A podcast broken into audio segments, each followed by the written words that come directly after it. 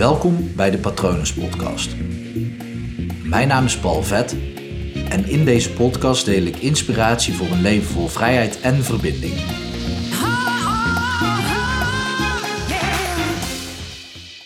Ik was 14 jaar, zo'n 23 jaar geleden, en ik stond onderaan een stenen trap te wachten.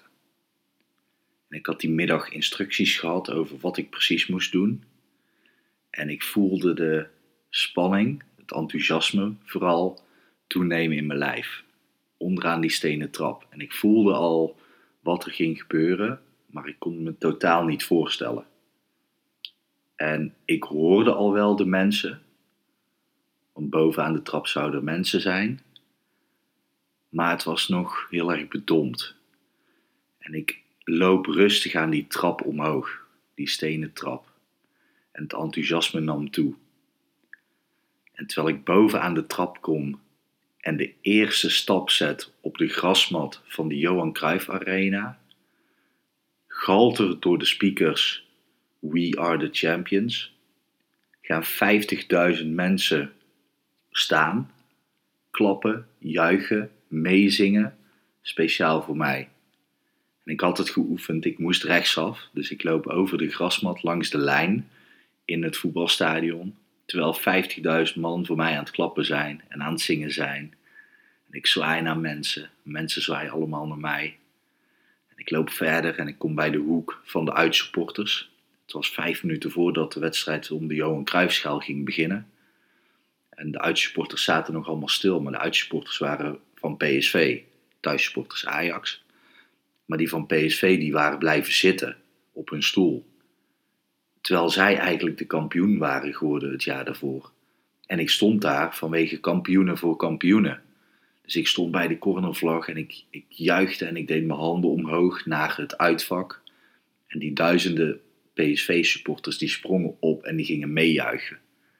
Dus ik had het hele stadion, het hele stadion stond speciaal voor mij op de banken, keihard We Are The Champions mee te zingen. Het is toch een bijzonder nummer ook en hoe vet om dat als 14-jarige mee te maken. En ik loop door naar de andere hoek, want daar zouden mijn uh, teamgenootjes zitten. Ik was hun aanvoerder. En daarom mocht ik de ereronde lopen en zij niet. En bij die hoek zwaai ik natuurlijk naar ze en zij hadden hetzelfde shirt aan. Dus het stadion had door dat, dat zij onderdeel waren van, van het team. En ja, ik liep verder en ik liet het allemaal op me afkomen. En ik had één hele belangrijke opdracht meegekregen, want uh, rond de middenlijn net voorbij de eerste duck-out, daar zouden sowieso de spelers staan waar ik naar kon kijken. Maar ik moest er per se aan denken om naar rechts te zwaaien. Want daar zat koningin Beatrix. En die zou ook naar mij zwaaien. Dus ik kom bij de middenlijn aan. Ik uh, rem daar even af, want ik moest wel een beetje tempo maken. De wedstrijd stond op het, op het punt van beginnen.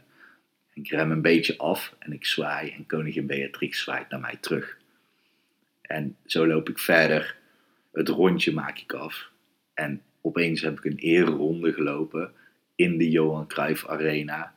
Terwijl iedereen, 50.000 man, voor mij stond te klappen, juichen en zingen. Hoe vet is dat? Echt, ja, ik krijg nog steeds kippenvel van als ik daaraan terugdenk. En ja, die ereronde was voorbij en ik daal weer dat stenen trappetje af en ik denk, wow, is dit echt gebeurd? en de reden dat ik je dit verhaal vertel, is omdat dit, dit verhaal is waar gebeurd.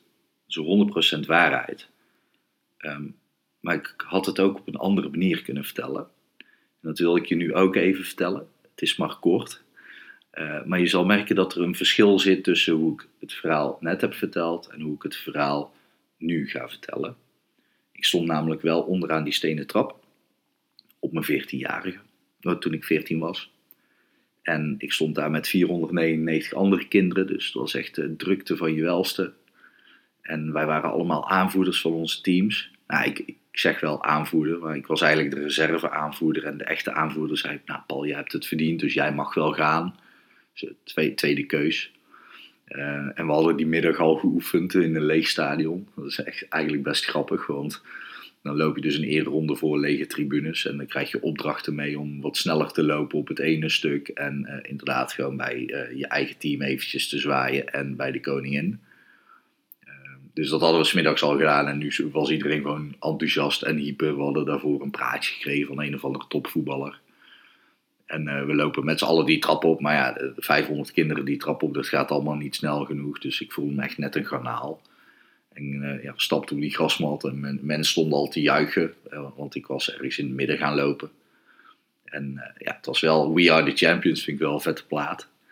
En ik, ik sprint zo een rondje en bij het uitvak zwaai ik even naar de supporters die op dat moment net gingen, gingen staan. Dat waren PSV-supporters, die waren, dat, zij waren de echte kampioenen nou, bij de hoek van mijn eigen teamgenootjes eventjes staan zwaaien. Bij de dugout uh, voorbij moesten natuurlijk aan denken om de koningin even uh, ja, daar naartoe te zwaaien. Maar ja, die, die had haar koninginnen zwaai en die zwaaide naar 500 kinderen. Dus ja, ik zwaaide maar. Volgens mij ging het prima. En ja, toen was die ereronde voorbij. ik vond het wel, wel bijzonder om een keertje mee te maken, ja. ja. Als ik het verhaal zo vertel, is het natuurlijk een totaal ander verhaal dan hoe ik het de eerste keer vertelde. Terwijl beide waar zijn. Het is maar net wat ik mezelf of andere mensen vertel. En uh, wat als waarheid voelt voor mij.